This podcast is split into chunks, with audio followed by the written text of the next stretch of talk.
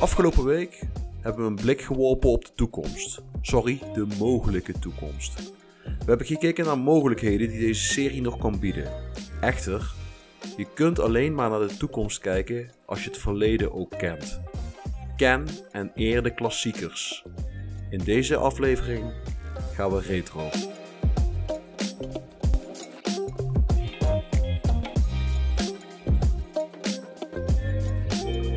De Football Managers United podcast.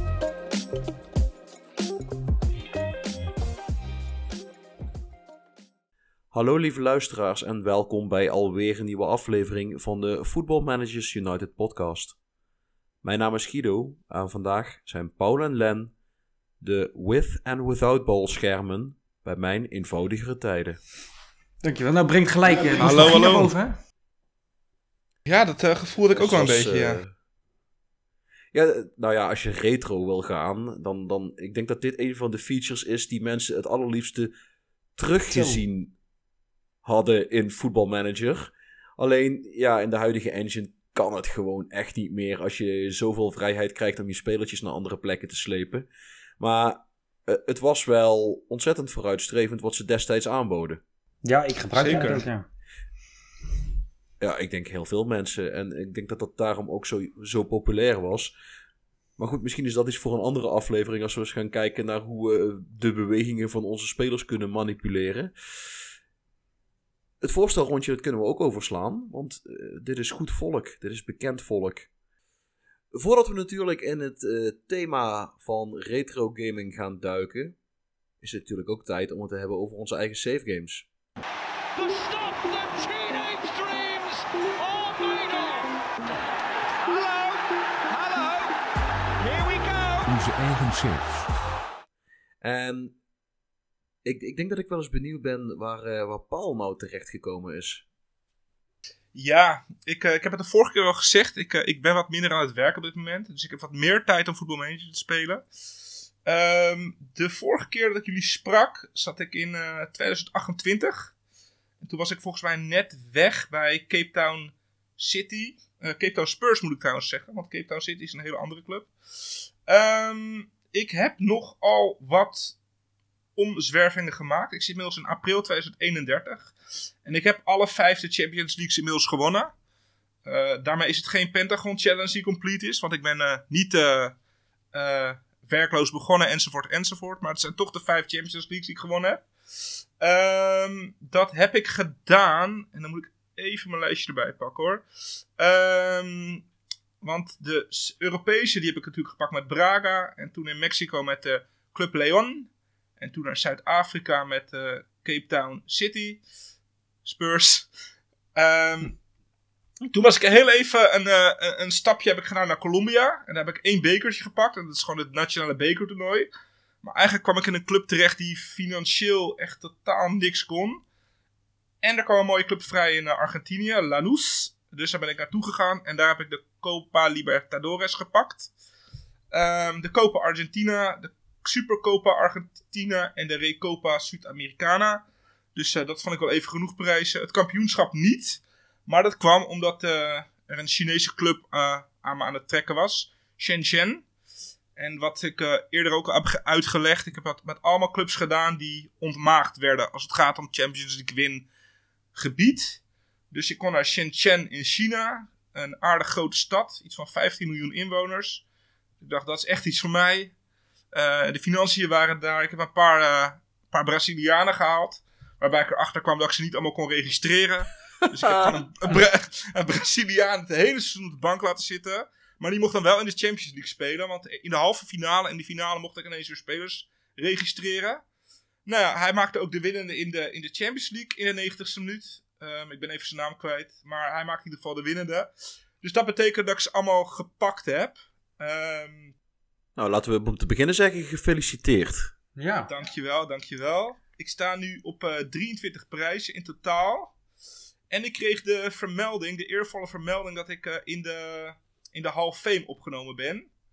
Oeh. Er is alleen iets aan de hand met mijn eh Hall of Fame. Ik kijk even naar Guido. Want eh, wij spelen een estafette game. eh, Guido, ik en nog wat andere gasten. En eh, ja, misschien, leuk, Len, dat je even raadt wie er op één staat in mijn Hall of Fame. nou, dat zal vast niet eh, Sir Alex Ferguson meer zijn. Nee, het is geen Sir Alex Ferguson, het is eh, Sir Guido. Want Sorry. eh, blijkbaar, als je dus een estafette speelt, eh, worden alle, nou ja, wordt al die data met elkaar gedeeld. Dus op één staat eh, Guido en op drie en op vijf staan alle, alle andere gasten met wie we de estafette doen. Dus eh, als ik die eruit filter, sta ik op 17. Maar eh, in, eh, ja, in, de, in de officiële ranking sta ik nu 17e in de, in de wereldwijde Hall of Fame. Het is niet per se mijn doel om nummer 1 te, te worden. En het is ook niet per se meer heel realistisch. Ehm, want ik ben bang dat als Guido nu de volgende eh, streak doet, dat hij dan de andere prijzen ook inlaat. En dat ik dus echt.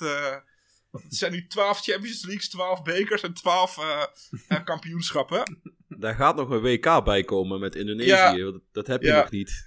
Nee, dus het is eh, een beetje jammer, maar goed, het is geen doel, die eregalerij. Het doel is om zoveel mogelijk prijzen te pakken. Ik sta nu op 23 eh, nou ja, losse prijzen, zeg maar. Dus 23 unieke prijzen. En ik ben nu bij Rangers beland, bij de Glasgow Rangers. Eh, of Rangers FC moet je tegenwoordig zeggen. En daarin ben ik net eh 10 minuten geleden het kampioenschap misgelopen op 1 punt. Ik ben halverwege het seizoen ingestroomd.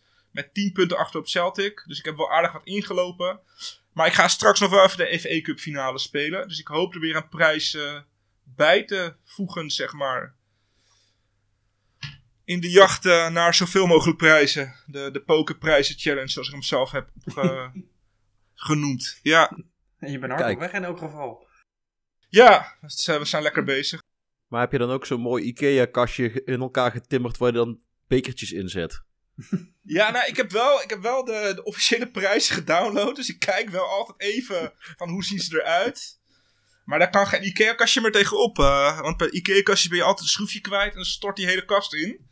Dus eh, het is echt, eh, ja, het is wel een aardig rijtje nu. Ik ben mezelf Ja. wel aan het uitdagen dit jaar.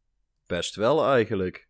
En, en je komt uit je comfortzone. Je hebt in één Ja. save heb je alle continenten gehad. Ja, Sommige ja, meerdere keren. Absoluut, ja. En eh, ik ben nu ook bij Rangers beland, omdat ik eigenlijk tot de conclusie kwam dat ik op een eh, ja, gedeelde save game met Celtic en Glasgow heel lang geleden samen met een vriend eigenlijk nooit in Schotland gemanaged heb. Dus ik ben ook wel een beetje de competitie aan het afvinken waar ik nooit eerder iets gedaan heb. Ik, eh, ik kijk uit naar je avonturen in Hongkong en Singapore. Ja, dat is misschien niet de kant waar ik op vind naartoe wil, maar het is wel misschien leuk om nog mee te pakken op het laatste van mijn carrière. Nog een paar, eh, paar eh, jennetjes binnen te, te, te jassen. Ja, kijken, want het zijn wel snelle competities, dat wel. Wel nice. Ja, ik ga ze, ik ga ze onthouden. Thanks. En ja, als we het dan toch over vage competities hebben, hebben we gelijk een mooi bruggetje naar, eh, naar de save van Len toe. Die, het was niet meer Kiribati, Nee, gelukkig dus... niet. Nee, het was Guada, het was Guadeloupe, was het, hè? Eh, Oh ja, maar dat het team van die afkorting waar we niet wisten wat het voor stond. Nee, dat was een Kiribati. Dat was, eh dat was het ook Oh, weer TE, TEC. Klopt. en, en dit was het Arsenal-team, toch? E- Op Guadeloupe. Ja, ja, ja. Nee, dit was eer, op Kiribati was het ETC. En ehm, ik heb het flauwe vermoeden dat TC staat voor Town Council inmiddels. Want vrijwel elke ploeg op Kiribati heeft daar een, eh, een, een, link mee met Town Council. Eh, het was Guadeloupe. Eh, zat ik met Arsenal, of met, het- met, met het groene Arsenal van Guadeloupe. Ehm, ik moet zeggen dat ik sinds de vorige keer in de podcast heb ik niet heel veel meer gespeeld. Eh, we zaten met een transfer deadline en een, een, een, een, FMI-update waar ik veel tijd in aan kwijt ben geweest. Dus ik heb niet heel veel kunnen spelen. Ehm, ik heb er wel drie seizoenen op zitten nu met Arsenal. Eh, waarbij het eerste seizoen zijn we keurig in de middenmoot geëindigd nadat ik het halverwege overnam. Eh, het tweede seizoen zijn we de top 5 ingekomen. En in het derde seizoen zijn we de top 3 ingekomen. Dus we zitten, langzaamaan zit er wel wat eh, verbetering in. Eh, doelstelling nu vanuit het bestuur is ook om de- in het vierde seizoen mee te doen om de titel. Dus daar gaan we ook dan maar gewoon voor. Het is alleen wel echt rete lastig om eh, in dit land enk, ja, gewoon eh, een goede speler te vinden die ook nog eens een keer betaalbaar is. Het zijn allemaal semi-prof clubs. Waar ik op eh, Kiribati nog het voordeel had dat het allemaal amateurteams waren. En dat je eigenlijk gewoon alle andere clubs langs ging. eh degene die er iets van konden naar je toe trok. En dan had je op een gegeven moment had je 22 beste spelers van eh, heel Kiribati had je in je elftal zitten. Nu is het wat anders. Je hebt een, je hebt een, je hebt, je hebt een, sala of een, ja, een salarisbudget. eh, daar moet je binnen blijven. Eh, er is gewoon niet zo heel veel te vinden. Spelers liggen lang vast. Je hebt geen transfergeld. Dus het, is, ja, het wordt eigenlijk een beetje een soort youth-only challenge bij. eh, lijkt het af en toe wel. Maakt dan het op ook wel weer. Maar dan op Guadeloupe, ja. En dat maakt het op zich wel grappig. Alleen eh, de weg naar succes is wat langer dan ik had gehoopt. Ik had eigenlijk gehoopt dat ik maximaal 2, 3 jaar per land nodig zou hebben. Dat is nu ietsje langer. Maar ja, ach, eh, ik heb, de, competitie is niet zo heel lang. Dus het, gaat best snel. Alleen nu nog wat, eh, wat vrije tijd vinden om me er echt op, de op te gaan storten. Ja, ik denk dat dat een probleem is wat we allemaal wel in meer of mindere mate hebben. Ja, en nu dat, nu, nu dat zeg maar ook weer die, eh, de nieuwe update vanuit SI zit er ook weer aan te komen. Dus dan eh, ga, ja, heb ik het ook gewoon weer druk met FMI en MU. Dus eh, nee, ik zie voorlopig geen, geen, geen, geen goede periode aan, aankomen voor mij qua FM. Ja, ik heb ehm, volgens mij in de vorige podcast heb ik toen al aangegeven dat ik weg ben gegaan bij Dynamo Kiev. Nee? Dat je Nou, dan- nou, bij deze, ik ben dus weggegaan bij Dynamo Kiev. Ik heb het seizoen afgerond. En ik heb ontslag genomen. Want ja, anders ben ik onbetaalbaar voor de meeste clubs. Hm. Gewoon vanwege de letterlijke reden dat mijn contract nog vier seizoenen doorloopt. Dus eh, dat is een tip. Als je van club wil wisselen, neem gewoon ontslag, joh. Eh, tenzij je naar een echte grote club gaat, vanuit een kleinere club, kunnen de meeste clubs jouw afkoopsom niet betalen. En dan gaan ze dus voor een andere kandidaat. Eh, heb ik ook gedaan. Eh, ik wilde naar, eerst naar Australië. Eh, maar dat, om de een of andere reden lukte het niet om Australië ingeladen te krijgen. Ik had ze toegevoegd. En op het moment dat ze erbij moesten komen, kwamen ze niet. Hm.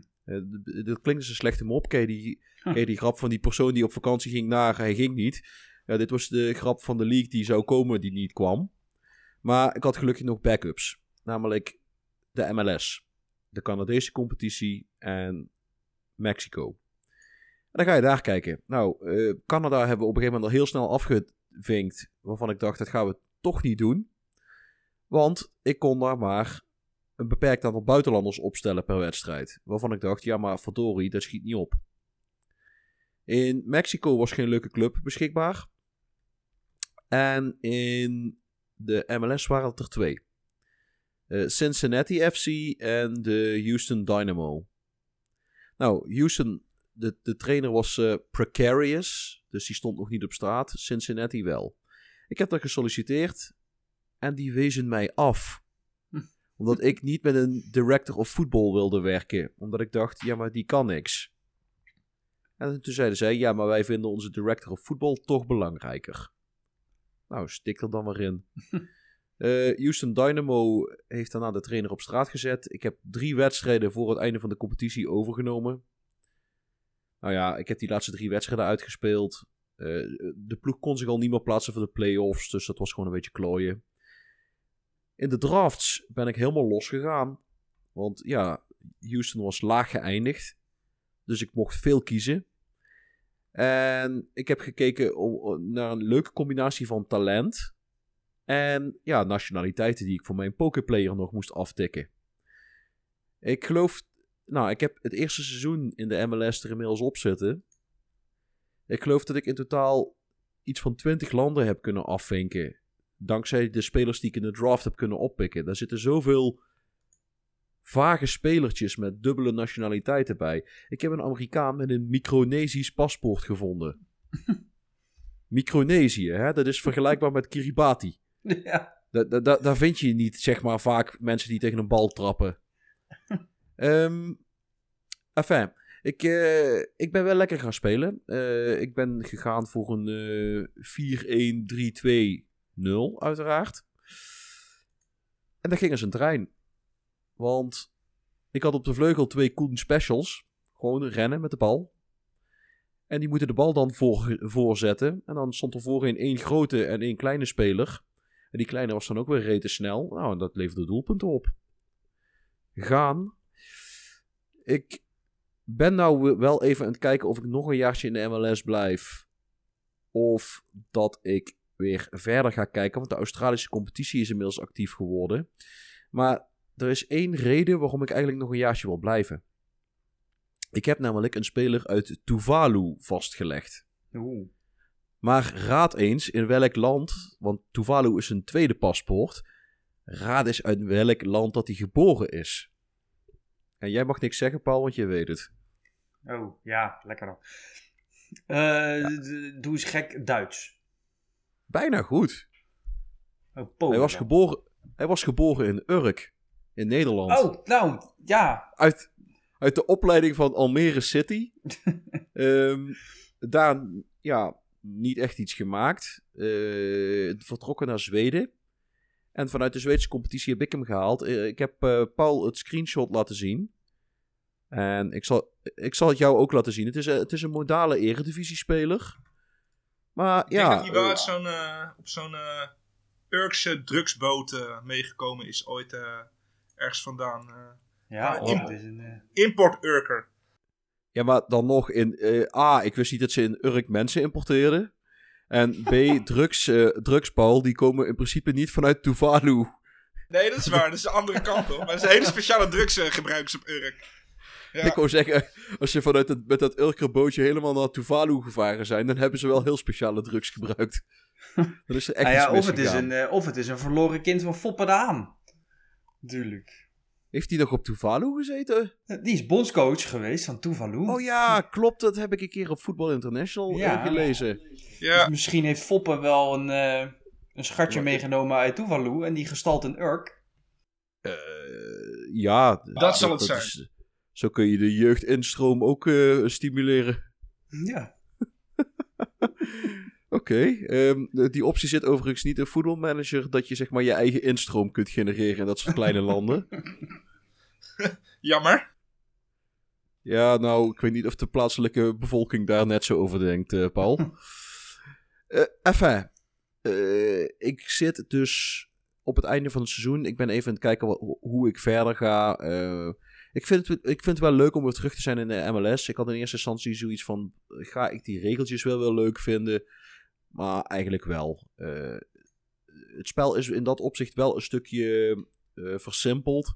En ze geven je nou bij elke transfer een waarschuwing van deze impact heeft het op de squadregels. En dan heb je nog zoveel ruimte over. En je mag hem zo'n contract aanbieden, dan kan het wel. En bij zo'n contract kan het niet. Dus ze hebben het wat meer idiot-proof gemaakt. Zonder dat je zelf een enorme spreadsheet moet bijhouden van wat er allemaal mogelijk is qua regeltjes. Having said that, laten we het eens gaan hebben over het thema van de week. It's just most extraordinary scenario you could have dreamt of. The unthinkable unfolds before our eyes. Het thema van de week. Dit is onze retro-aflevering. En we gaan een, een tijdreis maken. We gaan heel nostalgisch. Gaan we langs de tijdlijn van voetbalmanager. Gaan we terug naar de tijd van Championship Manager. We gaan terug naar het prille begin. Maar, heren, waar- waarom zouden we het überhaupt gaan doen? Waarom zouden we het überhaupt over retro moeten gaan hebben? Als je het verleden kent, dan weet je iets over de toekomst. Zo. Poëtisch. Of zoiets. Dat was toch een uitspraak die zo ging? Van een of andere geschiedenis iemand. Iedere een of andere geschiedenis iemand. Je begon goed en eh, da- daar raak je hem kwijt. Ik heb echt totaal geen idee wat de uitdrukking is. En ik weet ook totaal niet van wie die is. Dus ik zie vooral twee hele verschrikte ogen. Want eh, de, de luisteraar weet misschien niet, maar we zien elkaar ook gewoon. Maar ehm, ja, wie zijn verleden eert, weet de toekomst, kent de toekomst of zoiets. Nou, ik weet hem niet. eh. Het, eh, hij begon heel goed. Ik denk, hier gaat het komen. Maar nou is het meer plop. Dan doet hij een Maarten Stekelenburgje. Laat hij de bal in zijn handen vallen. Ik ben hem aan het googelen, dus mocht je... We, we gaan, we gaan in de tussentijd gewoon even Ja, door. we gaan gewoon verder. Nee, maar Ja, ik... ik, ik denk wel eh, dat we teruggaan naar een simpelere tijd. Waar de focus minder lag op het uiterlijk. En, en voor mijn gevoel veel meer op de gameplay. Nou ja, dat is één ding wat zeker is. Dus je ziet hoe voetbalmanager er tegenwoordig uitziet. Ik eh, zie af en toe door de bomen het bos niet meer. Ik eh, verlang bij dat soort momenten verlang ik heel erg terug naar het verleden. Waar je gewoon, eh, wat was het, zes, zes tegeltjes had. En daar moest je het mee doen. Ja, less is more, zeggen ze wel eens. Ja. Ik weet niet van wie die uitspraak komt, maar het is best een bekende uitspraak. Dus ik denk niet dat die aan één, op één, iemand terug te voeren valt. Ehm, minder features hoeft niet altijd gelijk negatief te zijn. En dat, dat gaan we dadelijk ook wel zien. Een van de zaken die natuurlijk ook helemaal anders is in die tijd, heeft te maken met ja, de focus van het spel aan zich, of niet, Len? Ja, de oude versies, dat is. eh, vroeger had je nog niet eh, multiplayer. Dat bestond nog niet. Of althans, multiplayer was eh, naast elkaar aan hetzelfde bureau zitten, hetzelfde spel spelen. Of op hetzelfde scherm. Hot seat. Dus de ja, hot seat methode, dat was natuurlijk ook een hele bekende. Ehm, zo ben ik ooit ook met Championship Manager in aanraking gekomen. Dat je bij een vriendje thuis. Het was grappig, dat, dat, dat verhaal hoor je zo vaak van mensen dat je eigenlijk. dat- het was altijd een vriendje die het had. Dat is eigenlijk een soort van de instroom van heel veel mensen die eh voetbalmanager of championship manager. Ze hadden De het nooit zelf en het was. Ja, het was altijd een vriendje. Dus uiteindelijk vraag ik me af wie is dan ooit de eerste geweest die dat gespeeld heeft. Want het was altijd een vriendje van. Maar weet je, het was vooral een spel dat je heel erg speelde op jezelf. Internet was nog niet groot, of dat, bes- dat bestond in veel gevallen. Heel veel mensen hadden geen internet in die tijd. Je was echt gewoon toegewezen op jezelf en het was echt gewoon een single player game. Ik, ik denk trouwens dat ik wel dat vriendje was. Want ik heb destijds mijn hele klas zo'n beetje aan voetbalmanager, eh, sorry, championship manager geholpen. Waarbij dat dus ook een paar van die gasten na afloop zeiden: hey, bedankt hè, lul, ik blijf een jaar zitten. Eh, had je dat ook niet gewoon na de proefwerkweek kunnen delen? ja. Waarvan ik zei: En- ja, maar jij kiest ervoor om te spelen. ja. Toen was het buurjongetje van het vriendje eh, die, eh, die, die het introduceerde. Ik, eh, ik kan me nog echt goed herinneren dat ik eh, met, bij, met een vriend aan het spelen was. En die zei nou, mijn buurjongen die heeft nu een spel, dat moet je echt zien. En ik was in die tijd echt zo'n eh, jongetje wat in schriftjes allemaal opstellingen schreef. En op, het vol- op de volgende pagina dezelfde opstelling, maar dan gewoon met andere spelers. Dat is echt een, echt een knurft. En ik ging met hem mee. En ja, het, het spel was echt mekka voor mij. Ik, ik was echt... Ik kon gewoon mijn eigen opstelling maken. En dat bleef gewoon staan. En het bleef gewoon in beeld staan. Dat is echt... Alleen dat vond ik al fantastisch. Maar jij, jij bent ook met CM2 begonnen, toch? Ja, ja, zeker. Maar dat spel heb ik echt maar twee, drie keer een half uurtje gespeeld. Omdat het dus de, de buurjongen van een vriendje was. Dus we konden daar niet zomaar elke keer naar binnen lopen. Eh, maar CM2 was inderdaad met, met Feyenoord... eh, logischerwijs, want we zijn allebei voor Feyenoord. Met, eh, het is nog steeds mijn beste vriend trouwens, 20 jaar later. Nee, 28 jaar later. Nou, in ieder geval heel veel later. Ehm, eh, maar ja, dat, Feyenoord. En eh, we maakten Ronald Koeman aanvoerder. Dat, dat kan ik me ook nog wel herinneren. En ja, echt flardes hoor. Maar het is echt eh, CM2. Ja, CM2 was denk ik de eerste versie die echt fatsoenlijk verkrijgbaar was in Nederland. Ja. Ik heb later nog een versie van CM Italia op de kop getikt via eBay. Maar ja, die was eigenlijk al bijna onspeelbaar op de moderne machines. Eh, voor de liefhebbers trouwens, CM2, en daar gaan we het dadelijk meer over hebben, is eh, online te spelen via emulatorsites. Dat gaat eh, stroperig traag. Benader, be- benadert wel ongeveer de belevenis van destijds, dat wel weer wel. En dan zie je ook dat het een verschrikkelijk simplistisch spel is. Dat is overigens niet negatief. Want ja, Len had het net over die acht tegeltjes. En CM2 is dat. Het zijn acht, acht menus Ja. waar je uit kunt kiezen. En ieder menu heeft één submenu. En that's it. Als jij naar Player Search gaat, dan kom je letterlijk in een zoekscherm. En je kunt niet filteren op posities en zo. Je kunt kijken wie er op de transferlijst staat of je kunt een naam invoeren. En dat is het. ja, fantastisch man. En dat, dan krijg je inderdaad die toestanden waar je dus inderdaad dan op de fiets morgens naar school zat met je, vriend, met je vrienden. Hé, hey, ik heb een goede zweet gevonden. Oh, wie is dat? En dan ging je in de wiskundeles, of wiskundeschriften waren daar overigens prima geschikt voor vanwege de, de, de hokjes. De Dan kon je op, ja. opstellen, kon je opstellingen uittekenen. Want dan zag het er ook nog een beetje recht uit. En dan ging je dus eh, spelersnamen op lijstjes zetten en dan uitwisselen met je vrienden. En dan kwam je thuis. En dan ging je die namen intikken en dan daarna op de fiets. Hey, ik heb die zweet van jou gekeken. Die was echt slecht, man. Of, of ik heb die ook gekocht, ik heb die ook gekocht. Die was echt keigoed, man. Eh, maar ja, ik weet niet of dat voor jullie herkenbaar in de oren klinkt. Ja, dat waren de, de oude, de, de, de originele Wonderkids lijstjes, toch? Die je nu overal online ziet. Die lever je, lever je er vroeger op een, eh, op een, in een schriftje aan. Ja. Zo ging dat. Jeetje. Maar de tactieken waren ook gewoon super simpel, hè. Je kon niks met lijntjes trekken of spelers verslepen. Gewoon, je had iets van 10 of 12 preset Ja. tactics. En drie of vier speelstijlen en dat was het. En dan, dan, daar kon je uit kiezen en daar moest je mee aan de slag. Ja, dat met die, die pijltjes naar voren, dat kwam later pas, toch? Dat, kwam, dat, dat ja, precies. in- dat, was, in- in- dat was daar nog niet, inderdaad. dat was nog, toen nog helemaal niet, nee. Het ging eigenlijk gewoon om spelers kopen. En je had, Ja. in, Ne- in Nederland had je ook maar drie competities die je kon spelen. Dat waren Nederland, België en Italië. En als je extra competities wilde, dan moest je dat via diskettes doen. Dan moest je Ja. datadiskettes kopen met extra competities op. En ik heb me echt mottig gezocht. Ik heb die dingen nooit gevonden. En dat was pre-internet, hè? Dus je ging naar de man van de Bart Smit of van de Intertoys toe. En dan zei je: Hey, heb je ook datadiskettes van voetbal, van Championship Manager? En dan keek die ventje aan en zei hij: Wat? Ja, wat? Oké, nee dus? Nee. Oké, en dan ging je weer en dan dacht je: Oké, ik heb het geprobeerd. en je, je, kon, je kon ook niet googlen van waar kan ik dat gaan kopen. Want ja, je ging naar de stad.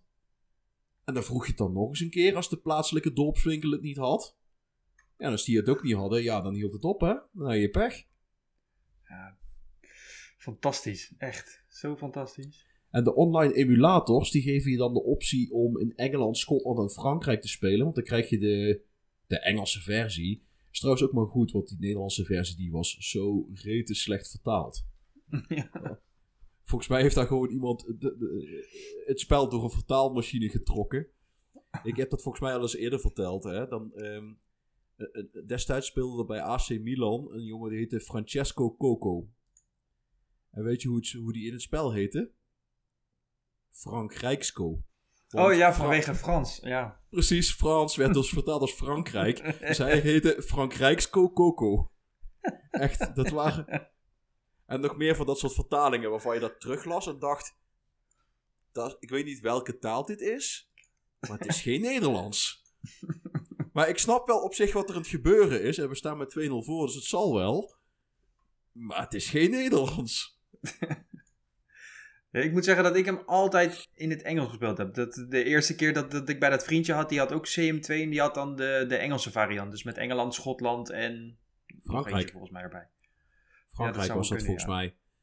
Ja, oh, daar heb je geluk gehad. Want ik had dus de Nederlandse versie ergens uit een... eh, zo'n zo'n budgetbak van Bart Smit gevist. Van lag een free record shop. Daar lag, daar lag die volgens mij Volgens mij was het de gulden tijd nog. Oh zeker. Dus de, eh, eh, ik dacht dat ik hem voor 10 gulden toen uit die bak gevist heb. En dat, ja, we zijn daar gewoon mee gaan spelen, mijn broertje en ik. Maar ja, spelerskopen was daar ook belangrijker dan tactieken. Want ja, tactieken is, ja, je had een x aantal combinaties die je kon maken. Maar ja, je keek gewoon, als je drie goede aanvallers had, dan ging je 4-3-3 spelen. En als je maar twee goede aanvallers had, dan ging je 4-4-2 spelen. Of je moest toevallig een hele goede aanvaller weten te kopen. Maar dat was zo makkelijk nog niet. Ja, ergens was het, je had ook je had, je had geen spelersrollen en teaminstructies. Het was heel clean, heel simpel allemaal. Ja. Oké, ehm, wie heb ik? Oké, Paul Gascoigne. Kan die als verdedigende middenvelder spelen? Geen idee, laten we het eens proberen. en ja, er was ook geen 3D, en, eh, geen, geen 2D engine of geen 3D engine. Het was gewoon tekst, hè? puur text-based. Je kon dus ook niet zeggen, oh, het is die, die speler zijn schuld dat het fout gaat. Nee, je had alleen tekst in beeld. Ja. Dat, dat, vind ik, dat vond ik vroeger wel echt veel spannender. Dat veel, meer dat veel meer fantasie had je erbij. Jij kon er nog je eigen verhaal bij maken. Van, oh, nu drie Nou, ja. vier man voorbij. Ja, Ja, en ik weet er nog helemaal dat je op een gegeven moment hadden ze ook de toevoeging van geluid hadden ze erbij. Mm. Dat had je in het begin had je dat ook niet. Toen kreeg je op een gegeven moment die, die stadiongeluiden en zo. En dat gejuich als je scoorde. En vaak kon je in de aanloop naar een doelpunt al merken dat je ging scoren. Want dan haperde die heel even om het juichgeluid in te laden. ja. En dan wist je dat Ja. er iets ging gebeuren. Wauw, dit is echt een gevoel van 30 jaar geleden of zo dat ik weer terugkrijg. eh. Ja. ja, dat Maar je kon, haperingetje, ja. je kon ook maar max 10 seizoenen spelen. Hè? Eh, na 10 jaar was het gewoon klaar. ja, bij de eerste wel, ja. Bij die eerste was het gewoon echt na 10 jaar klaar. En eh, new gens waren er ook niet. Want toen waren het gewoon regens. Een speler ging met pensioen. En ik noem maar eens wat. Als eh, pak een beet, eh, een van die spelers die super makkelijk te scouten was, wel altijd was Mark Hughes. Want Mark Hughes was een Welshje verdedigende middenvelder slash aanvaller. Dus als Mark Hughes met pensioen ging, dan kwam er het jaar daarna in Wales een 16 of 17-jarige verdedigende middenvelder spits met enorm goede attributen tevoorschijn. En dan wist je, nou die moet kopen, want dat is de, dat is de, regen van Mark Hughes. En die, daarvoor wist je ook van dat hij goed zou zijn en dat hij goed zou worden en dat hij zou presteren. Dus ja, die kocht je dan. En ja, het, het, het, maakt het spel natuurlijk ook wel. Ja, ik, ik, dan moet ik zeggen, ik was daar dan ook wel weer een nerdje in. Dan ging je twee of drie weken voor het seizoen ten einde was, ging je kijken welke spelers zijn er allemaal oud en gaan er met pensioen en op welke positie spelen ze. Oké, die, die en die. Dan ging je weer met je schriftje, een lijstje maken. Oké, nieuw, nieuwe seizoen is begonnen. Dat duurde dan soms wel een half uur voordat het nieuwe seizoen ingeladen was. Oké, dan gaan we gelijk zoeken bij kleine clubs uit dat land. Of ik een speler kan vinden die best wel goed lijkt en die positie, zelfde positie heeft. Want er was ook geen attribute masking of zo. Je kon gewoon alles zien als je op een speler klikte. Het was eh, simpel. Ja, nee, fantastisch man. Ja, weet je, dat is, dat is ook altijd, je kunt ook altijd zien aan eh, personen op internet die de oude championship managers gespeeld hebben of die echt redelijk nieuw zijn. Over het algemeen zijn de, de, de, de ervaren mensen die, die zeggen altijd nog regents. Ja, maar is, of volgens mij is dat ook voor een deel gewoon omdat wij eh, voetbalmanagers eh, A. vasthouden aan traditie en B. stront eigenwijs zijn. Z- zonder, zonder enige uitzondering zijn we allemaal stront eigenwijs en denken we dat we het beter weten. Want daarom wil je ook de manager zijn. maar dat is misschien een psychologisch dingetje. eh, daar ga ik misschien eh, te, te zeer erachter zoeken. Ja, voor mij is het nog altijd gewoon een region. Het is er zo ingepeperd, dat gaat, blijft het altijd zijn. Ja, ik, ik noem het wel een new gen, maar of een regen is voor mij dus gewoon een bestaande speler die onder een andere naam 20 jaar jonger terugkomt. En Ja, voor mij is het gewoon een nep-speler. Dat, dat zijn ze in ieder geval allebei. dat laatste is inderdaad wel eh gewoon nepspelers, inderdaad. Dat zo, die term gebruik ik ook nog wel. Ah, ik, weet ook dat je, Nieuwe. ik weet ook dat je vroeger, eh, maar dan maken we even een sprongetje naar eh, waarschijnlijk de beste versie van Championship Manager ooit. 0102. Ehm, daar, eh, een van die opties die ik toen altijd wou, wilde hebben, was de optie om grijze spelers van sommige clubs een contract aan te bieden. Oh ja, Want daar ja. kwam je af en toe spelers tegen.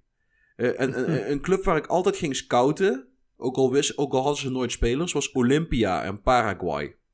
Dat was in de tijd dat Roque Santa Cruz en die jongen van Pizarro, eh, die kwamen allebei van Olympia.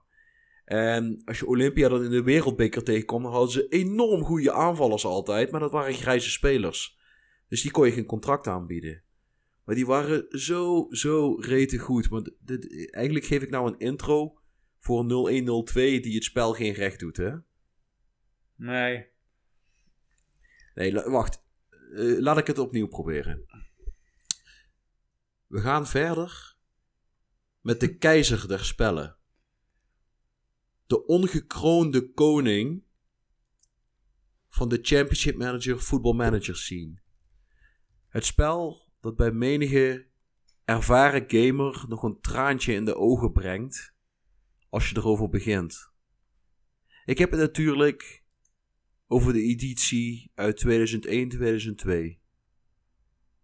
Waarschijnlijk de beste en populairste versie ooit van Championship Manager. Nou, en er is geen woord aan gelogen. Nee, klopt helemaal. Ik denk dat het ook de eerste versie is die ik echt, echt speelde.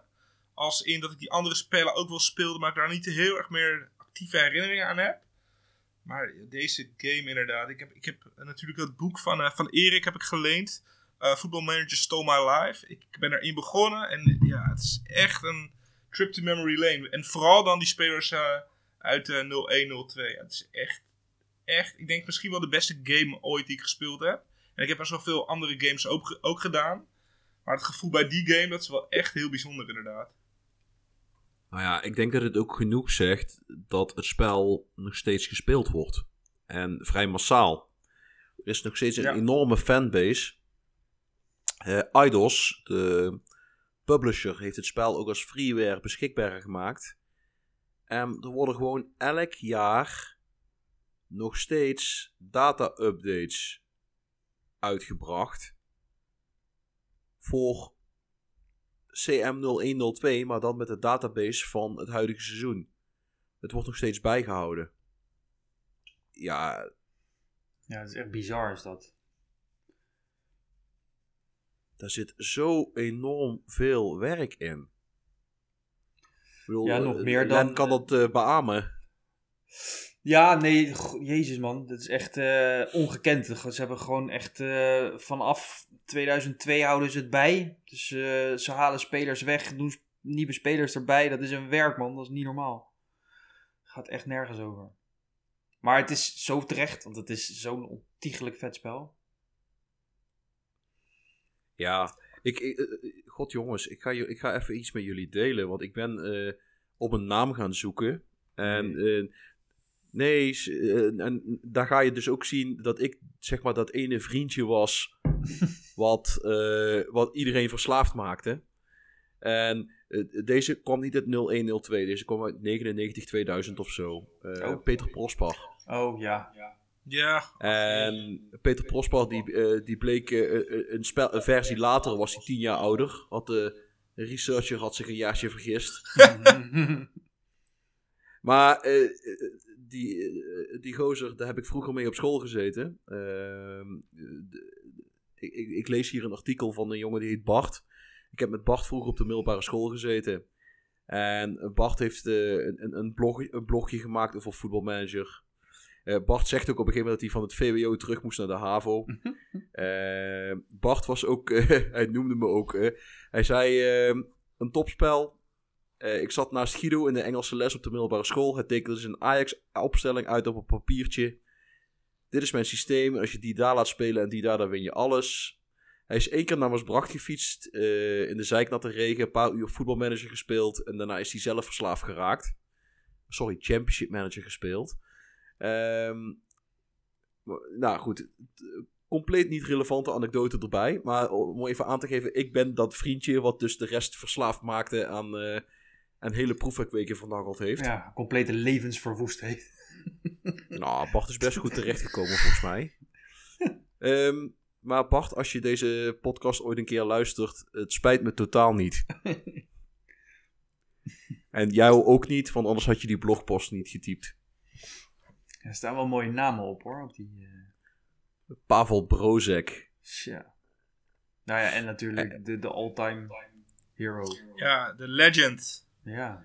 De niet meer levende legende helaas. Maar ehm, ja, ja het, het- het is bizar dat die naam gewoon onze leeftijdsklasse... en heel veel jongens in die leeftijdsklasse... dat er gewoon een belletje brengen bij de naam Maxim Tsigalko. Dat is echt... Ja. Ja. Die- Nee, ja, eh, ja. eens. ja. Ik wil bijna zeggen, zou die man maar weten hoeveel die... En volgens mij wist hij het ook wel, hè? Er- hij, komt hij ook voor in dat voetbalmanager Stole My Life? Is hij ook geïnterviewd? Maar Volgens mij wel. ja, ja, hij is er ook wel regelmatig over geïnterviewd volgens mij. ja. Ja, het, dat is echt de, de all-time eh, hero. Ja. Want dat heb je in, in Engeland heb je dat met, eh hoe heet je ook weer, Channel Samba. Dat is, dat, dat is dan voor de Engelsen is dat de Maxime Tsigalko van Ja. eh, Championship Manager, voetbalmanager. Aan eh, Justin Jorselen.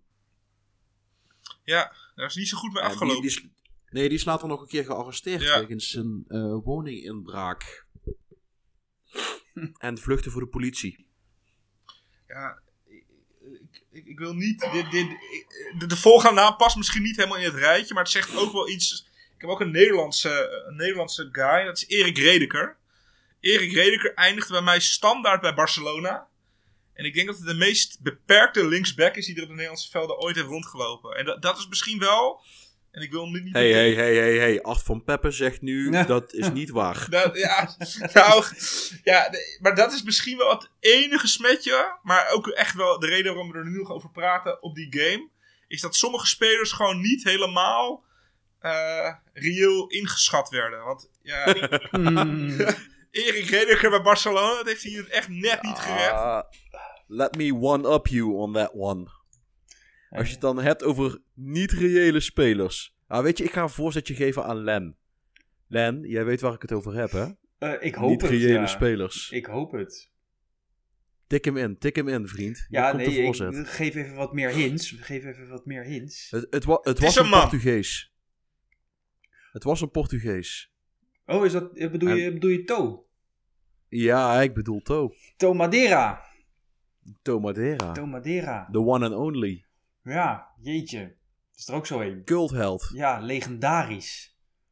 Maar bestond niet. Nee. Nee, Of althans bestond wel, maar hij was geen voetballer. En dan zeker niet op dat niveau. nee, daar zat toch een heel verhaal achter? Ja, ja, ja. ja. Ik, ik, ik weet het ook wel, maar k- kijk even eh, hoe ver je komt en dan Ja. vul ik je aan. Nee, het, was, het had iets met, met een Portugese researcher te maken, toch? Die, die hem erin heeft gedaan als grap. En dat bleek uiteindelijk een, een- de beste... Nee, hij was het zelf. Of hij was het zelf. Dat was, dat, dat was het. Die Portugese researcher, dat was eh, Antonio Lopez. En die had zichzelf onder een bijnaam toegevoegd bij zijn lokale club, Gouveia. En die had zichzelf, nou, hij, weet, hij wist hoe het spel werkte. Dus hij had zichzelf de key attributes, de belangrijke attributen, had hij zichzelf gewoon keihog gegeven. Dus je had een speler die was rete snel. Die kon heel goed finishen. En die bleef redelijk rustig als hij voor het doel kwam. Voor de rest kon hij ook helemaal niks. Maar hij kon hard rennen. En hij bleef rustig als hij voor het doel kwam. En hij kreeg de bal tussen de palen. En die was dus bereid om naar zo'n beetje elk, Ja. elk clubje ter wereld te verhuizen. Nou ja, en die, hij reeg de doelpunten aan elkaar als ware het een kralenketting. Ja. Die gast kon, als, als je hem goed gebruikte, die knalde er gewoon honderd per jaar in. Ja, dat, eh, dat was nog in die, in die tijd dat dat, nou ja, dat, dat, dat, dat echt kon. Dat je gewoon 140 keer per seizoen scoorde in een competitie van, 40, we- van eh 34 wedstrijden. Ja, dat lukt mij nou ook nog wel. Maar dat was in de tijd dat ik nog daadwerkelijk met spitsen speelde. ja. ja, het is ons bijna gelukt, eh, Guido, in onze estafette. 109. Eh, Dat klopt. Ja, met We één toen, speler. eh, Ja, met één, oh, met één speler. Ja, Ja, oké. nee, nee. Ja, nee, oké. We hebben het nu geprobeerd om in de Georgische competitie de magische kaap van 200 doelpunten per seizoen te slechten. Maar dat was niet met één speler inderdaad. eh, heel scherp. Ja. het is, is wel met een heel team. Ja. Eh, en we zijn volgens mij inderdaad 10 doelpunten tekort gekomen Ja. of zo. En de beurt daarna heeft iemand anders overgenomen. En die zei, ja, ik vind het niet meer leuk. En eh, die heeft onze hele tactiek vernacheld. en nee, dat is trouwens niet die beurt. Dat is twee of drie beurten daarna geweest. Maar dat maakt het niet uit. We noemen geen namen. Oh, wacht. ja, oh shit. Ehm, ik had wel gezegd hoeveel beurten, hè? Ah, maakt joh. niet uit. Maakt niet uit. Doet er niet toe. Ehm, feit is in ieder geval, de, eh, Tomadera en Sigalco. Je had ook de Super Zweden hebben in die versie hun, eh, hun nou niet hun entree gemaakt, maar waren daar ook prominent weer aanwezig. Ja. De, de Bakir Chokloes en de Kelströms en ja, noem ze maar op. Farneroet, is dat ook die versie? Eh, Alexander Varneroet, ja. Eh, Pontus niet, die zat al bij Monaco toen. Ja, Alexander denk ik. Ja, ik bedoel Alexander, ja. En eh Javier Saviola kwam volgens mij in die versie als jong talent bij River Plate door. Dus het is, het is een legendarische versie. En volgens mij is dat ook de eerste versie geweest dat we kennis hebben gemaakt met Freddy Adu. Kan dat 0102 geweest zijn of is dat iets later dat was geweest? Volgens mij wel later. Volgens mij was dat al voetbal. Was dat niet al voetbalmanager toen? Ik durf het niet met zekerheid te zeggen. Want die gast, dat was ook in de tijd dat spelers van 13 en 14 nog in het spel zaten. Tegenwoordig komen ze er niet meer in als ze geen 16 zijn. Nee. Ja, want er staat mij iets van bij dat, dat, dat, dat, dat in een van de eerste versies van Football Manager dat, dat hij toen zijn... eh, Hij, hij, is wel meerdere, hij is wel meerdere jaren echt een wonderkid geweest, volgens mij. En volgens mij begon hij in CM 0304 en daarna FM 5. Zoiets, ik weet niet. Maar het was inderdaad wel, ja, Freddy Adu. Dat is natuurlijk de Amerikaanse Maxime. Eh 124 clubs versleten. Het, is er, no- het, is er nooit, Zoiets. het is er nooit helemaal uitgekomen, om het maar even eufemistisch te zeggen. Zeer eufemistisch Ja. zelfs.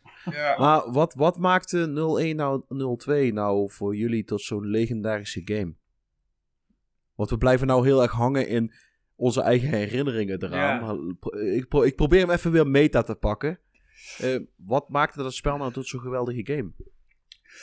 Nou ja, voor mij persoonlijk is het, is, is het de game die ik. ehm, even kijken, het was het, eh 0102, dus die is in 2000 uitgekomen. Ehm, ik speelde toen met. eh, ik was toen een jaartje of 17, 18, dus was ik op de leeftijd dat ik eh nachten door kon halen.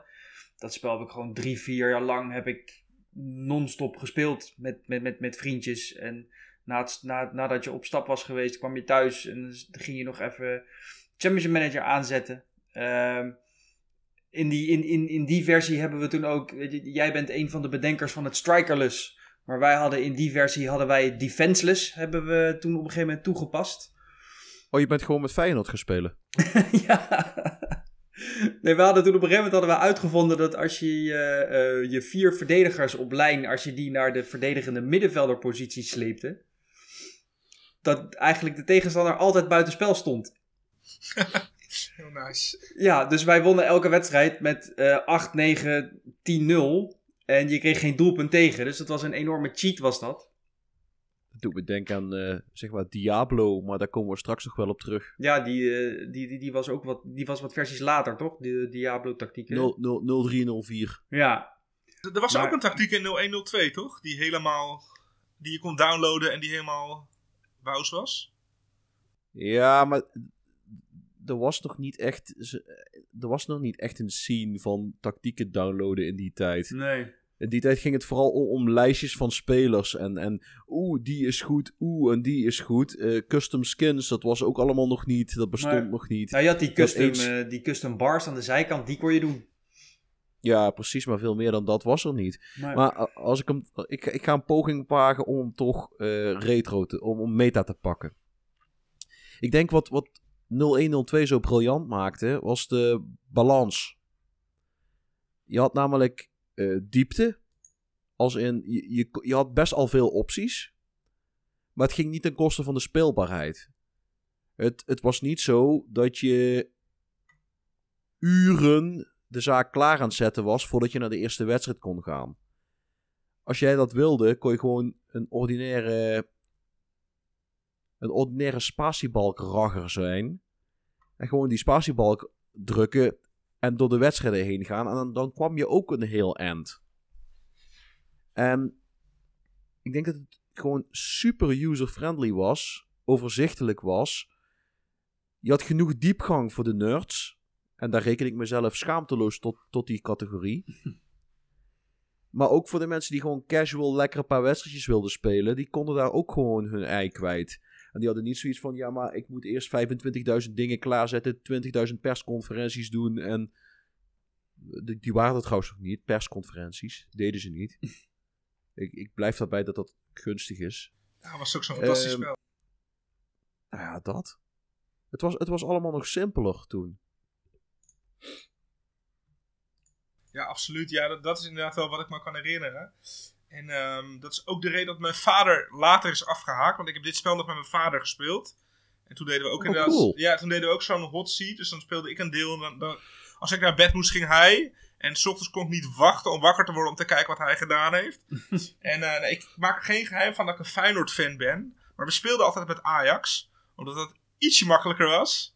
en eh, ja, toen echt alles gewoon... Echte clubliefde. Echte clubliefde, ja. Ja, ik ben, en qua FM ben ik echt wel een Ajaxiet. Ik speel heel graag met Ajax in Football Manager. Ook dacht dat hij nou ging zeggen, ik koop altijd jonge spelers en dan noem ik het eigen jeugd. Nou ja, ik, ik, ja, jonge spelers vind ik ook wel leuk, maar ja, Ajax ligt me gewoon heel erg goed. Eh, maar ik kan me ja, nog wel herinneren dat ik de volgende ochtend wakker werd en dat we ineens bij Lazio Roma aanbeland waren. Eh, en dat hij daar een, eh, een contingent Nederlanders had meegenomen. Volgens mij hadden we drie keepers uit Nederland. Sander Westerveld, Sander Bosker en nog een gast. Hij was helemaal losgegaan, mijn vader, die, eh, die arme man. Ehm, maar wat je zegt, het, het, het was nog vrij toegankelijk. En hij is later ook afgehaakt. Omdat het dus alleen maar moeilijker en moeilijker en moeilijker werd. En hij gewoon niet de energie had om zich daar eh, aan toe te geven, zeg maar. Maar je was eigenlijk op een gegeven moment... Nu is het best wel micromanagen. Ja. En ja, dat, dat was in die versie, nogmaals, daar blijf ik bij, eigenlijk de perfecte balans. Vergelijk het met een kok die een, eh, die een perfecte soep probeert te maken. Je moet voldoende van elk ingrediënt toevoegen, zonder dat één ingrediënt de rest gaat overheersen. En tegenwoordig is voetbalmanager soms een tweede baan die je hebt. Je, bedoel, je kunt letterlijk elk elke scheet die een echte manager laat, kun jij in die simulatie ook laten, bij wijze van spreken. En 0102 was voor mij nog puur voetbal. En geen persconferenties en geen randzaken. Ik denk, ik denk 0102 was voor mij de laatste versie die puur om het voetbal draaide. Dat En heb je mooi gezegd.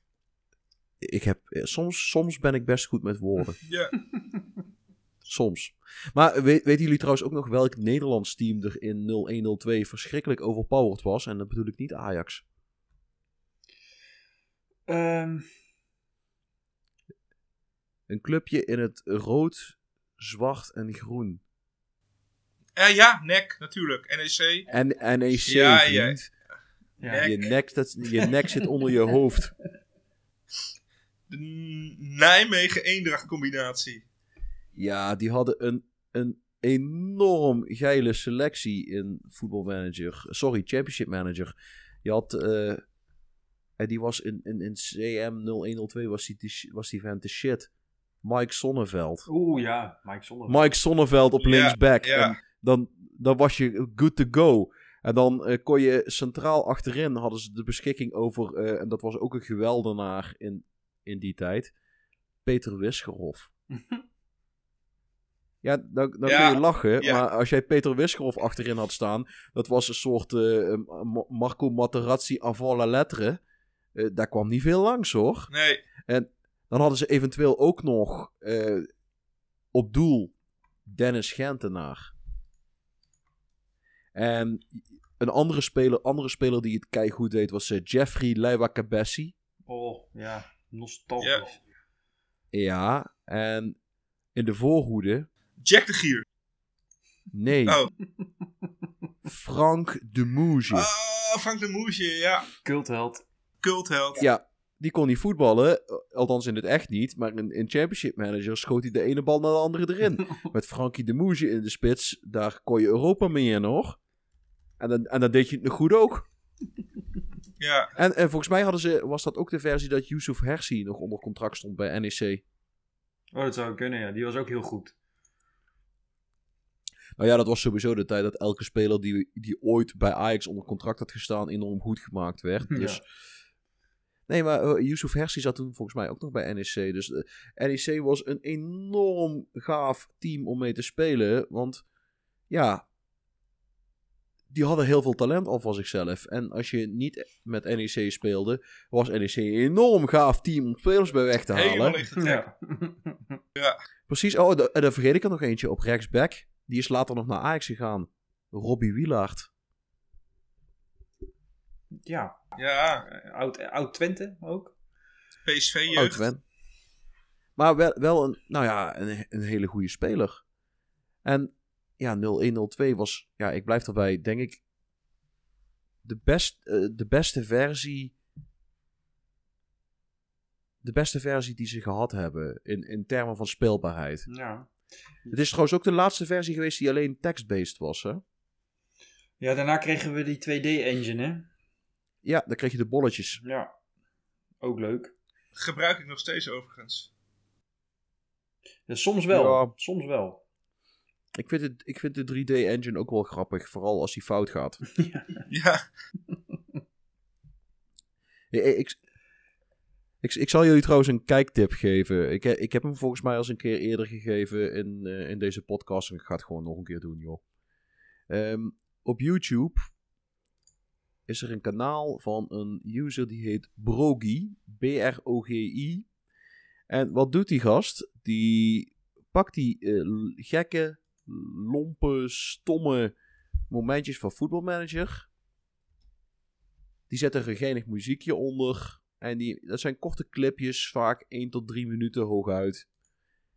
Daar zet hij een koddig muziekje onder. En het is zo herkenbaar voor in ieder die dit ziet. Eh, eh, ik ken hem. abso- ja. absoluut de moeite. Ik zal, Absoluut ik zal, ik zal hem eens opzoeken, want ik ken hem niet. Je Ja. kent hem niet, maar je wil hem kennen. Je, je gaat je wel een avondje vermaken dan. eh. Daarom, eh, Ja. het zegt ook genoeg dat hij 80.000 subscribers heeft. Gewoon met hele korte, simpele filmpjes. Ja. Oh, wow. Maar ja, dit was de laatste versie die, eh, die puur text-based was. En dan gaan we naar eh, ja, CM4 wil ik eigenlijk overslaan. Dat, dat spel heeft nooit bestaan voor mij. Dat was zo rete slecht. Ja, het was de eerste versie, hè? De, de eerste versie met die ballen, met die 2D, toch? Ja, en eh, hij speelde gewoon niet lekker. Nee, je, wist eigenlijk altijd wel dat, dat je ging van CM2 naar CM3. En toen eh, had je altijd die tussenversies. Met die, eh, dat was dan eh 97, 98, 98, 99, 01, 02. Precies, daar waren ze de engine aan het Daar waren, ze, daar waren ze hem aan het perfect. Wat ze nu met patches doen, deden ze toen met, gewoon met edities. Eh, dat was inderdaad CM4, was dat ook niet met die ontzettend lelijke skin? Yep. Ja, dat zag er ook niet uit. Ik moet hem even erbij zoeken voor. eh, want 0304 die ken ik nog wel. Die ken ik, eh, heb ik ook echt heel veel gespeeld. Oh ja, nu weet ik het 03. weer. Met die soort ronde. al- alles was rond. En blauw. Ja, en, en 0304 is de laatste versie die Sports Interactive gemaakt heeft samen met Eidos. Daarna zijn ze naar Sega gegaan en hebben, moesten ze dus met een andere naam komen. Want Eidos mocht de naam eh, Championship Manager houden. Heeft onder die naam ook met een andere studio nog een eh, Championship Manager 5 gemaakt. Maar ja, dat leek in niks meer op ja, het spel wat wij kennen en dat wij lief hebben. Ja. Maar CM0304 staat natuurlijk ook. Ja, ik denk dat dat de blauwdruk is geworden geweest voor wat tegenwoordig voetbalmanager is. Als je 0304 erbij pakt, dan zie je heel veel elementen al terug die je ook in de huidige voetbalmanager games terugziet. En tuurlijk, het was wat beperkter en er waren, er waren wat minder toeters en bellen. Maar de blauwdruk is er. De, de, het, het geraamte van, van het spel is hetzelfde. Ja. En het spel, de, de save waar ik in 0304 de meeste lol mee gehad heb, dat was eh, eigenlijk het NEC van dat spel. En die kwamen uit Italië. Parma. Atalanta Bergamo. Want die hadden toen eh, Massimo Donini, Gianpaolo Pazzini, Gianluigi Bellini, Luciano Zauri, Cristiano Doni. Dat was ook zo'n ploeg, die hadden iets van, iets van zeven, of Alex Pinardi, die hadden iets van zes of zeven potentiële Italiaanse internationals onder contract staan. Allemaal piepjong. Ja, daar kon je gewoon hartstikke leuk mee spelen. En je had toen, en we- hebben er volgens mij al eens eh, eh, heel, ne- heel even net iets over gezegd, de Diablo-tactiek. En Len die zei, eh, ik had mijn tactiekje waarbij ik alle spelers naar het verdedigende middenveld sleepte. Ja, maar in die versie had je Diablo. En wat kon je dan doen? Dan gaf je je centrale middenvelder een looplijntje tot in de spits. En de twee spitsen gaf je allebei een looplijntje opzij. Waardoor de twee spitsen een verdediger met zich meetrokken. Want die stonden bijna altijd op mandekking. En je centrale middenvelder dus gewoon rechtdoor kon rennen. In een, in, in een open ruimte waar niemand stond. Volledige vrijheid. Ja, en dat, dat, daar hebben ze volgens mij dat is een van de eerste patches geweest in Championship Manager die ze hebben uitgebracht toen. Omdat iedereen daar zwaar misbruik van maakte. Maar dat, wa- ik, ik weet niet of jullie die naam ook kennen. Orri Fryer Oscarsson. Nee, die zegt maar niks. Nou, Orri, O- Fryer Oscarsson. eh, dat was een, eh, een IJslandse voetballer. Of ja, voetballer. eh, dat was een IJslander die ook wel eens tegen een bal trapte. En was hij nou ook goed? Nee. Nee, hij was eigenlijk vreselijk slecht. Maar hij had voor die tactiek had hij een paar dingen die eh, zeer belangrijk waren, die hij wel kon. Namelijk, hij kon heel erg hard rennen. Hij had eh 20 voor acceleration, 20 voor pace, 20 voor stamina. En hij was vrij goed in, eh, zeg maar, work rate en off the ball. De rest was vrij matig en laag zelfs. Maar ja, hij kon gewoon ontzettend hard rennen en dat heel lang volhouden. Zo. Ja, ik, eh, je, je hebt een screen eh, gedeeld met ons. En dat is inderdaad eh, een, eh, een Koen special, zeg maar. Een, de- de- ja, alleen eh, het is geen Afrikaan. Dat, eh, Nee. dat, dat doet het. Op, de scha- op de schaal van Koen is dat toch wel weer min, minpunten. Maar eh, het, het, het is wel een. eh, ik denk dat dit de originele Koen special was. Voordat Koen wist dat Koen specials een ding waren. Ori Fryer Oscarsson. En dan, als je die in een Diablo-tactiek gebruikte, dan. eh beestachtig goed. Ja, ik begrijp wel waarom. Slightly overrated. Was hij ook, want volgens mij heeft hij in het echt nooit, eh, is hij nooit van IJsland afgekomen. Hey, die liep natuurlijk wel een rondjes om het eiland heen. eh. Ja, ja, de- de- want je moet toch ergens die stemmen naar van 20 vandaan zien te halen. Ja. Het lijkt net of de, de, de, de, de, de maker of de, de, degene die de, de stats van deze speler heeft aangeleverd. ehm, gewoon een overal een nulletje te veel achter heeft gezet eigenlijk. Ja, ik denk dat dat gewoon zoiets is als eh, eerder Tomadera, gewoon een researcher. Ja, Die gewoon wist welke combinatie van dingetjes gewoon goed zou uitpakken. En gedacht heeft, ik doe eens gewoon een beetje fucken. Zodat ik zeker weet dat die speler die ik erin gezet heb, gewoon heel de wereld over gaat. en dat is gelukt. Want ik ken hem nog steeds. En met mij anderen. Ja, ja. mij niet bekend. Ik zat net even terug te rekenen. En ik was in deze, toen deze versie uitkwam, 15 à 16. Dus ik denk dat ik toen hele andere Wonder Kids aan het eh, scouten was. eh. Ja, ja, die waren zeker Amerikaans. En eh, die hadden twee andere enorme pluspunten of wat. Nee, ja, ook, ook, ook, ook, ge- ook gewoon Haarlems hoor, maar eh, ja, nee, dat was inderdaad eh, met, met, met, met, duistere tijd dit. En daar wil ik het ook graag bij houden. Want dat was toch in de tijd dat je zeg maar via de telefoonlijn moest inbellen op internet. Dus Ja. als jij een keer een, eh, een, blo- een, een- bloot plaatje wilde hebben, dat, dat ging, werd pixel voor pixel bijna ingeladen. Nou, ik, kan me, ik kan me dus wel herinneren en ik, dat ik ooit een keer een, een data-update heb gedownload. En ik denk dat het wel van 0102 was. En dat het letterlijk de hele nacht duurde. en dat het dus gewoon de hele nacht gewoon... Dat het een godsvermogen aan, eh, ja, volgens mij aan internet heeft gekost. En dat we de hele nacht niet bereikbaar waren in huis. eh, nou ja, ik zal mijn achternaam niet noemen. Maar ja, dat, dat, dat duurde nogal. En nu met de, met de updates die nu uitkomen. nou dat is eh één seconde werk is al... eh, dan is het al lang, zeg maar. Maar ik, ik, ik, wil toch nog een, een, andere wonderkid er tegenaan gooien. Gewoon kijken of jullie hem kennen. Want dit was ook een van de originele 0304 wonderkids. Supat Rungratsame. Nee, dat is die, sorry. Nee, ja, Die zat, bij, eh, die zat in het reserve elftal van Portsmouth. Maar die, is pas, die was 15. En de, er zijn een aantal redenen waarom eh Supat Rungratsame super bekend geworden is. Namelijk, hij had geen profcontract. Dus hij was voor iedereen te kopen. Gratis. En Supat was een, eh, nou, de naam zegt het al een beetje, was een Thaise jongen. Dat betekent dat heel Azië deed, hey, we hebben nu ook onze eigen held in voetbalmanager. En hij was best goed. Voor zijn leeftijd. Sterker nog, hij ontwikkelde zich ook tot een eh, eh, heel behoorlijke aanvaller. Als je hem op tijd naar de juiste club toe wist te krijgen. En ja, Supat Ratsa mee. Ik denk dat, ja, misschien dat hij in Engeland iets groter is dan, eh, dan dat hij dat in Nederland is. Maar ja, bij mij is hij wel bijgebleven altijd. Dusdanig zelfs dat ik zijn naam nog gewoon kan onthouden. Ja, nee, ik, ik ken hem niet. Ik heb meer met... eh, dat is het ook weer Anatoly Todorov. Dat was Oh, mijn, de eh, Bulgaarse superheld. Dat was mijn held. En volgens mij was 0304 was ook de eerste bij... eh, waar Freddy Guarin...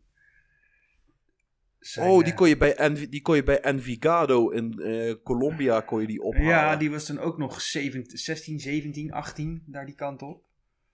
Dat is ook ja, wel ja, eentje ja, hoor. ja, ja, ja, ja. Ja, d- dat waren voor mij echt de, de helden. Nou ja, ik denk dat elke versie zo zijn, eh, zijn legendes heeft. Jezus, ja, Freddy Guarin. Tja, Ik had hem al... Ik zal niet zeggen dat ik hem verdrongen had uit mijn... eh, uit mijn geheugen, want dat is niet waar. Maar hij was wel even wat verder weggezakt in de analen van mijn, eh, in de analen van mijn geheugen. Jezus, ja, joh. Ja. Nee Maar joh, de, maar was- de 15-jarige Thai, die, die onthoud je wel. Maar Freddy Ja, dat Guarin... is, is- zegt dat iets over mij? Vast wel, toch? Als ik dit... ja, nee, ik weet het niet. Maar was dat niet ook die versie waar, eh, waar, waar je bij Auxerre een paar van die keigoede spelers kon halen? Nee, ja, sowieso. Eh, Max, Ja. Maxe en Boomsong. ja, Max 6, Boomsong, Cizé. Dat waren... oh ja, die stond toen in de spits daar. Ja, dat waren. En we hadden het net hadden we het over de Super Zweden van eh 0102 met Ke- eh, Kim Kelström eh, en consorten. Maar in deze versie had je de, de Super Nederlanders. Ja, Nigel de Jong en Johnny Heitinga Ja. begonnen door te komen met Van der Vaart en Snijder in opkomst. Ja, Robben nog erbij, Van Persie erbij. Oh, Robben, dat was die, eh, die, kon je toen nog, die zat toen nog bij Groningen. Met een vastgestelde transfer naar, eh, naar, PSV. PSV. toen al. Ja, Oh, en er zat er ook eentje in, die was fout gecodeerd in de eerste versie. Namelijk eh, Michael Lamey. Die zou van RKC naar eh, PSV gaan. Maar in plaats van 3 miljoen stond hij voor 30 miljoen Oh, in het spel Oh, gecodeerd. dus PSV was in één klap bankroet. En RKC was in één klap schatrijk. PSV bankroute heb ik graag. En ehm, ik zit toch nog even in het boek van Erik te, te bladeren. Ondertussen Daniel Braten. Dat is ook wel... eh, Oh ja, oh, die, die, de, de Noorse afro-spits. Ja, hij had... eh Want hij kwam van Skype. En volgens mij wa- wa- was hij in de eerste versie ook nog met een H. En eh dus Braathen. Het is Braten. Ehm, dus dat is ook een, een foutje geweest, denk ik. Want voor- ik heb hem altijd voor de geest met een H nog in zijn naam. Maar in, eh, in het boek van Erik staat hij zonder H. Ja, maar die moest je dan. Die, die, die, ging, die, die gingen die gast ook googlen. En dat bleek dan dat die. eh, want hè, je verwacht Daniel Braten, een of andere blonde Noor. Ja, Dat was gewoon een of andere gozer met een enorme afro. ja, ja zo'n retro En eh, Hendrik Larsson-achtige guy. Als we het dan toch hebben over ehm, die jonge Ajax-talenten. Weet je wat in die versie ook een enorm talent was, maar waar in werkelijkheid nooit wat voor gekomen is? Mm. Kees of Cees Keizer van Ajax. Oh ja. Ja. ja. Dat Ja, was een co- controlerende middenvelder. En die was in dat spel, was die, nou ja, die werd gezien als een enorm talent. Ja. Maar volgens mij heeft hij echt nooit het eerste gehaald bij Ajax. nee die, heeft nooit een, nee, die heeft nooit een wedstrijd gespeeld. nee, ja. Vol- Vol- dus ja. Volendam, is hij misschien wel geëindigd? Of is dat te voor de hand liggend, die gast? Zou best kunnen. Dat moeten we googlen. Volgens mij is hij daar wel jeugdtrainer. Nou, zo Ik zie je heb- maar weer. Dat heb- mijn, mijn kennis is weer ongeëvenaard.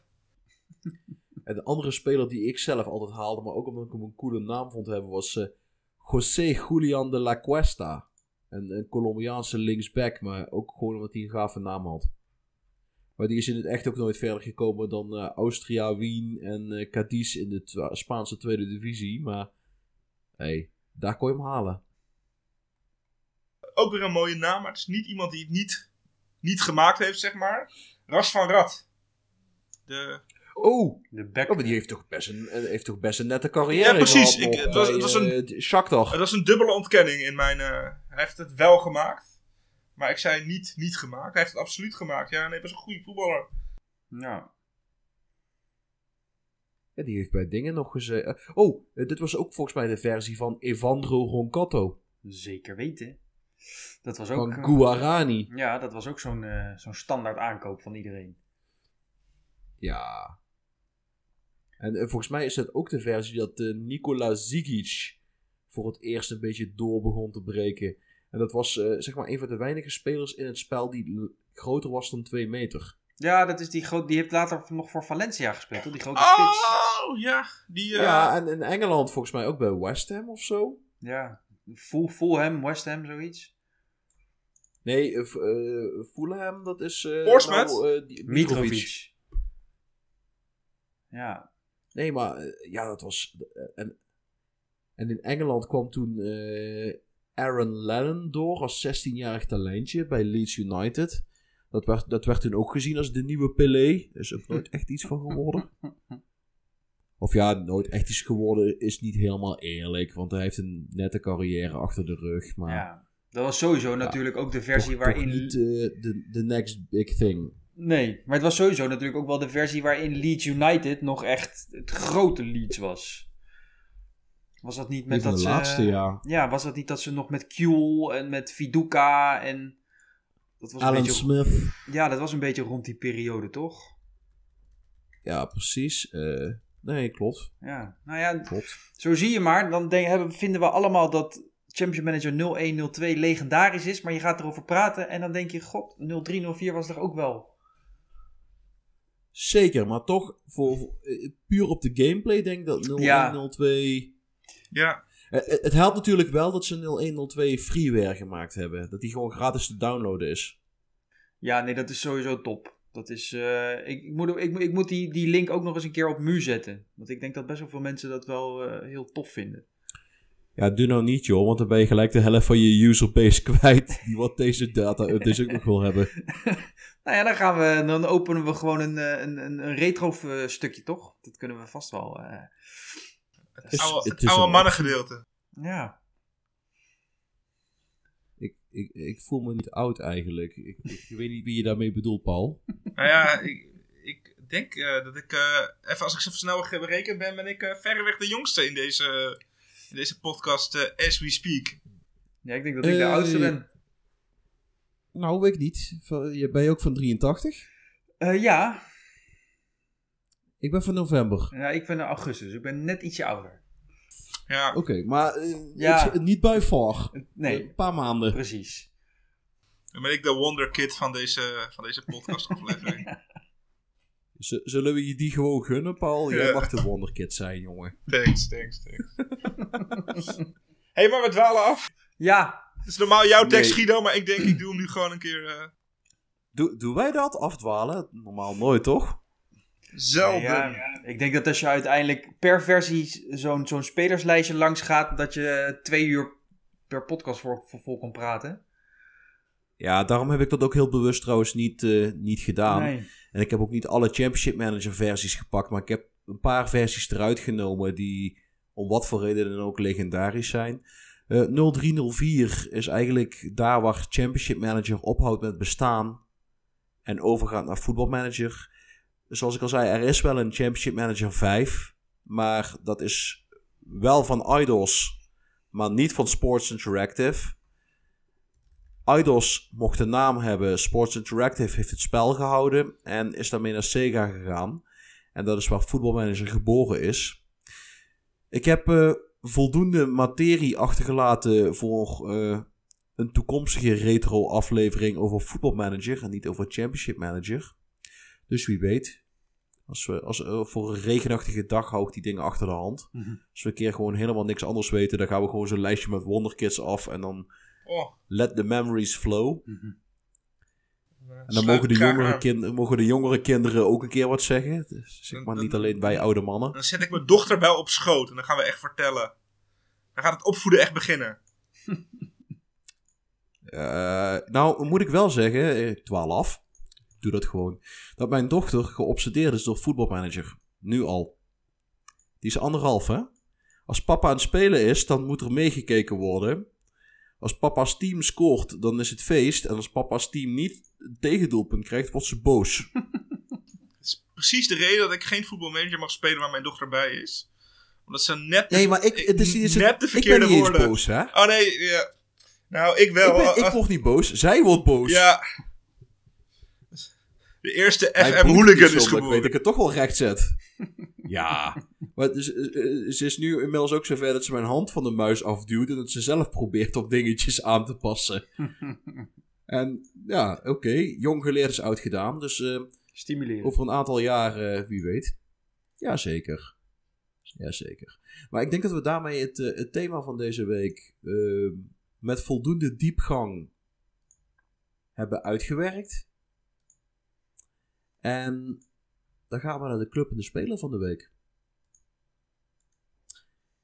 En voor de speler van de week hadden we eigenlijk besloten om iets speciaals te doen. What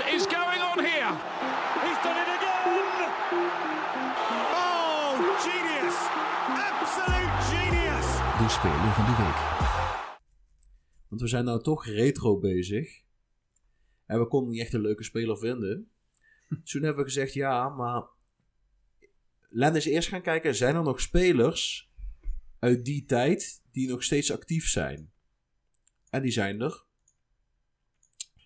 Kom je uit bij eh, Zlatan Ibrahimovic bijvoorbeeld. Maar A, hij is al een keer eh, speler van de week geweest. En ja, ik wil niet over Zlatan praten alsof hij retro is, want eigenlijk is Zlatan nog steeds gewoon de shit. En dat en Zlatan zou je kop eraf schoppen als, als je tegen hem zegt dat hij retro is. Eh, dus dat ging niet. Eh, de andere optie waar Len mee kwam was eh, Maarten Stekelenburg, maar die is al het hele jaar geblesseerd. Dus dat is niet echt een geslaagde optie voor speler van de week. Nou, we hebben nog even gedachten voor Wesley Sneijder, maar als je die tegenwoordig ziet lopen, dat heeft niks met, met een voetballer te maken. Michelin. Waarmee ik vakkundig de kans verspeel dat Wesley Sneijder ooit in deze podcast zal aantreden. Hij, hij- kan toch geen drie woorden Ja, achter nou. elkaar naar elkaar zeggen, dus eh, dat eh, maakt niet uit. Is hij dan buiten adem? Of is het. Eh, dat, zijn dat kan, dat kan, dat, zijn hersens zijn dan uitgeput. Nou, mocht er nog een kansje bestaan, dan is het nu helemaal vakkundig om zeep. Ehm, maar wat hadden wij besloten? We hadden gekeken naar zonen van. Zonen van spelers uit die periode die inmiddels ook zelf in het profvoetbal actief zijn. En we hebben er een drietal uitgehaald. En ik ga een voorzetje geven. Paul, we hebben er drie uitgehaald. Welke wil je doen?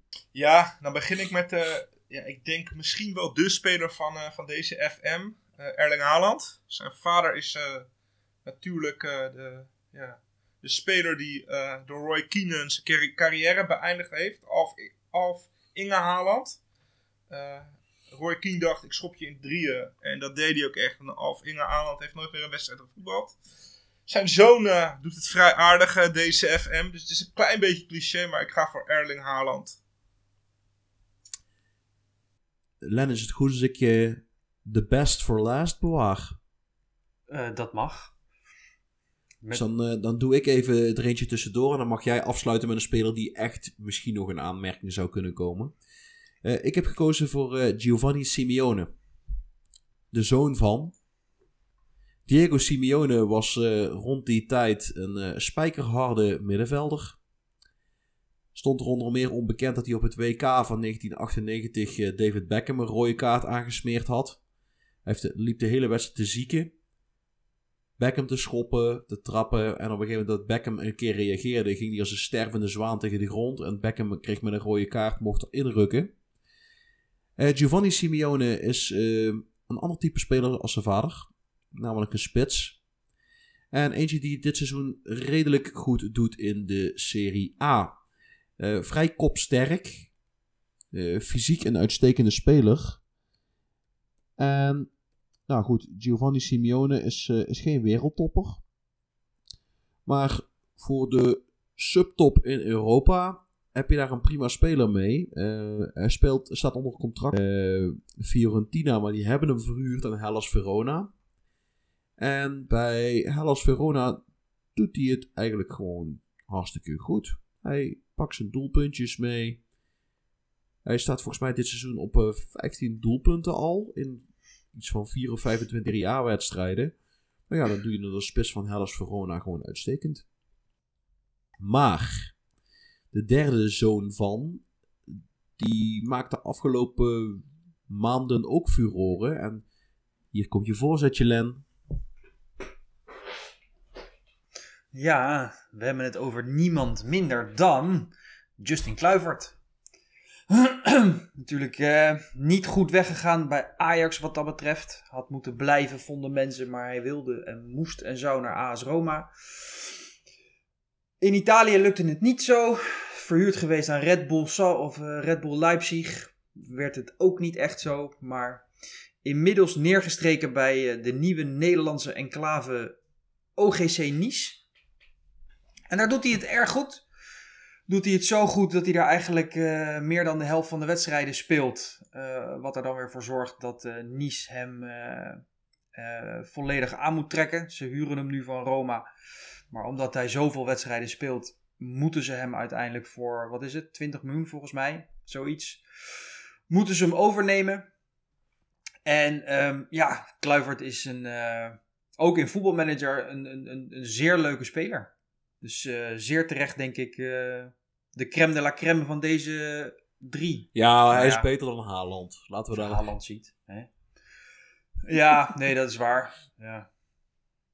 Maar het is wel, weet je, het is, uh, zijn vader was een wonderkid in, in, in Championship Manager vroeger. Hij is ooit een wonderkid geweest in voetbalmanager. Ik denk inderdaad dus... niet dat je kunt zeggen dat Alf Inge Haaland ooit ergens een wonderkid geweest is. Dat, dat, nee. dat kunnen we, dat denk ik zonder te overdrijven, kunnen we dat rustig zeggen. Maar goed, hè, de, de, de Noren doen het goed in, in voetbalmanager de afgelopen jaren eigenlijk al bedoel, met Eudegaard hebben ze, ze op zich ook nog een, uh,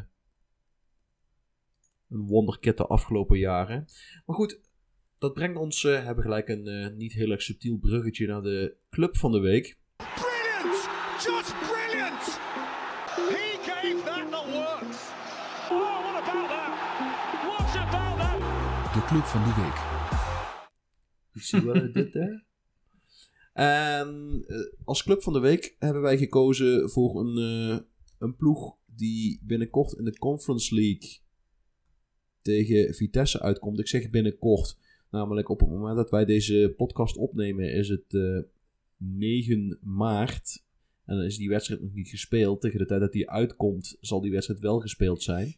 Maar wij hebben gekozen voor Bodø Glimt, de turboploeg uit Noorwegen die als een van de weinige ploegen boven de poolcirkel actief is, of binnen de poolcirkel actief is in Noord-Noorwegen.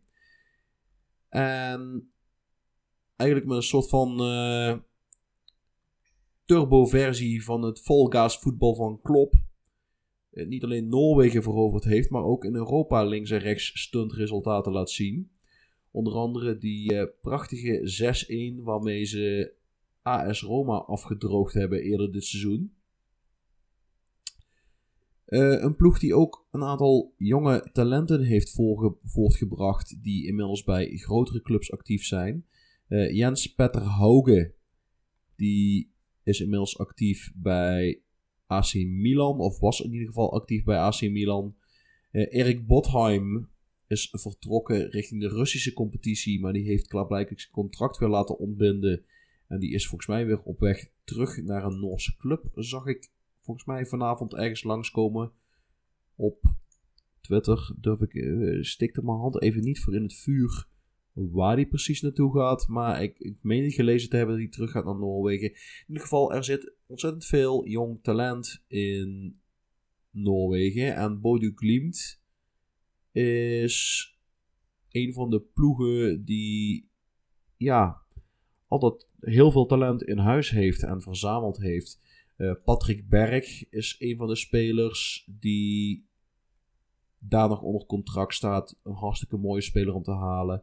Eh, de linksback Björkan is een ontzettend goede speler om te halen. Die heeft volgens mij in het echt inmiddels ook al een transfer weer gemaakt. Dus er zit wel echt talent. En Bodø Glimt is een interessante club om te bekijken. Daarmee, dames en heren, sluiten wij de aflevering van deze week weer af. We willen jullie heel erg hartelijk bedanken voor het luisteren. Als jullie nou zelf nog vragen hebben, dan kunnen jullie die insturen via een mailtje naar podcast.manunited.nl of je kunt ons bereiken op Twitter. Als je jezelf als gast wil uitnodigen of misschien interessante gasten voor ons kent, laat ons dat dan alsjeblieft ook weten. Vergeet vooral niet om je te abonneren op onze podcast, zodat je gewaarschuwd wordt wanneer we een nieuwe aflevering droppen, wat normaliter elke woensdagmorgen is. Het zou ook heel erg fijn zijn als jullie ons een waardering van 5 sterren zouden kunnen geven op het kanaal dat je gebruikt om naar deze podcast te luisteren. En of het nou Spotify is of een ander kanaal, geef ons alsjeblieft die waardering van 5 sterren. Doen wij het wel beter in de algoritmes. En ja, dat vinden wij gewoon leuk. Nogmaals, bedankt voor het luisteren en tot de volgende keer. Voetbal Managers United podcast.